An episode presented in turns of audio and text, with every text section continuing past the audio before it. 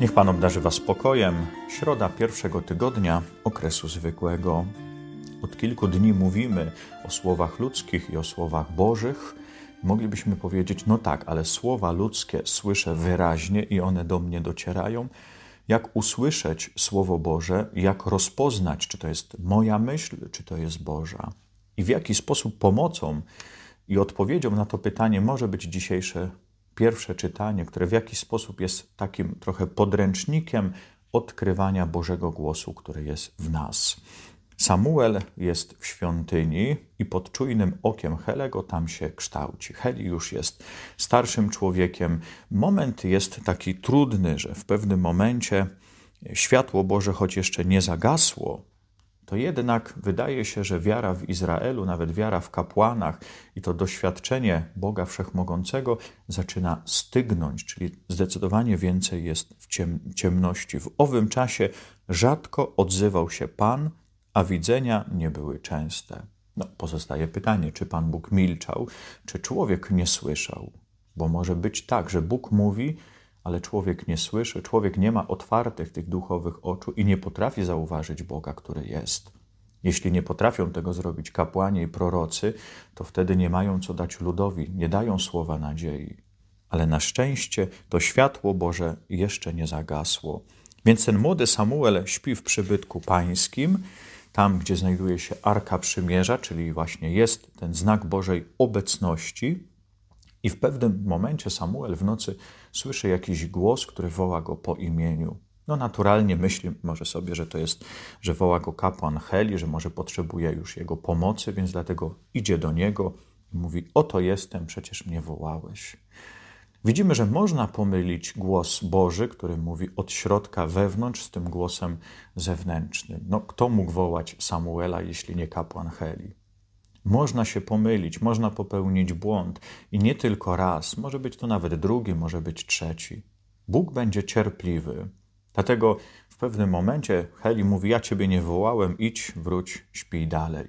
I znowu pojawia się ten głos. I znowu Samuel robi to samo, czyli idzie do Helego.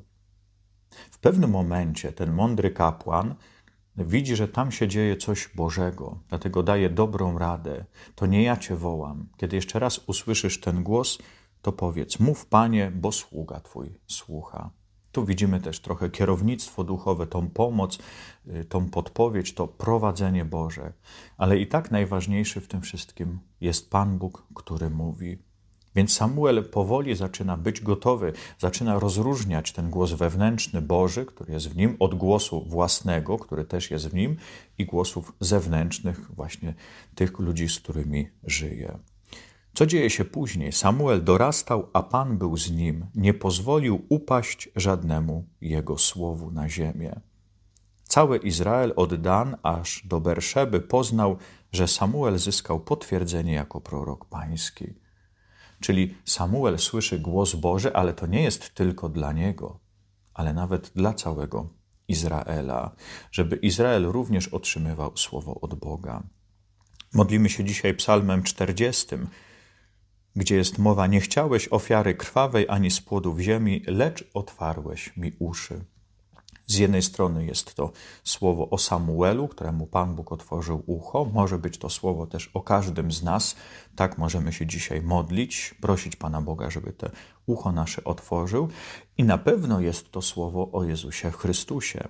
Dzisiaj też widzimy Jezusa Chrystusa, tego, który jest ma otwarte ucho na polecenie Ojca, bo przecież Ojciec posłał go, żeby nas tutaj uratował. I widzimy to cały czas w tej scenie kiedy Jezus się modli, w dzień ma dużo pracy. Wszyscy chorzy, wszyscy potrzebujący przychodzą do Niego, faktycznie ustawiają się u drzwi. Całe miasto zebrało się u drzwi. A co robi później Chrystus? Idzie na miejsce pustynne, aby się tam modlić. Cały czas chce mieć otwarte ucho na głos Ojca. Potrzebuje tego Ojca, żeby zmierzyć się z tym cierpieniem, które teraz widzi, żeby zaradzić temu cierpieniu. Więcej, żeby przygotować się na własne cierpienie, które jest wpisane w jego działalność, potrzebuje słyszeć głos Ojca. Bo głos ludzki słyszy z jednej strony pewnie słowa pochwały, z drugiej strony może jakieś słowa skargi na to życie. Potem będzie słyszał też słowa krytyki z ust faryzeuszów czy uczonych w piśmie. Różne rzeczy o nim będą mówić, ale on chce mieć głos Ojca przede wszystkim w sobie, chce mieć ten głos słyszalny. Widzimy również dzisiaj uzdrowienie teściowej Szymona, która jest w gorączce. Mówią o tym Jezusowi, on przychodzi, uzdrawia ją. I co ona robi? Wstaje i usługuje im. Tu widzimy też tą Bożą interwencję. W przypadku Samuela Bóg otwiera mu ucho po to, żeby służył Izraelowi. W przypadku teściowej uzdrawia ją Jezus, żeby mogła wykonywać te codzienne czynności, żeby mogła służyć. Tutaj widzimy też te Boże dary, które otrzymujemy. One zawsze są po coś.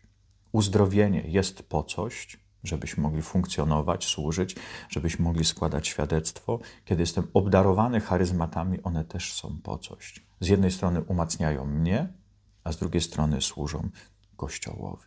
Niech dzisiaj to słowo pomoże nam otworzyć się na Słowo Boga, abyśmy w tym gwarze różnych słów zewnętrznych, które są wokół nas, również w tym gwarze słów wewnętrznych, które są w nas, potrafili rozpoznawać głos Boży, który będzie do nas mówił i który będzie nas prowadził. Pan z Wami, niech Was błogosławi Bóg Wszechmogący, Ojciec i Syn i Duch Święty. Amen.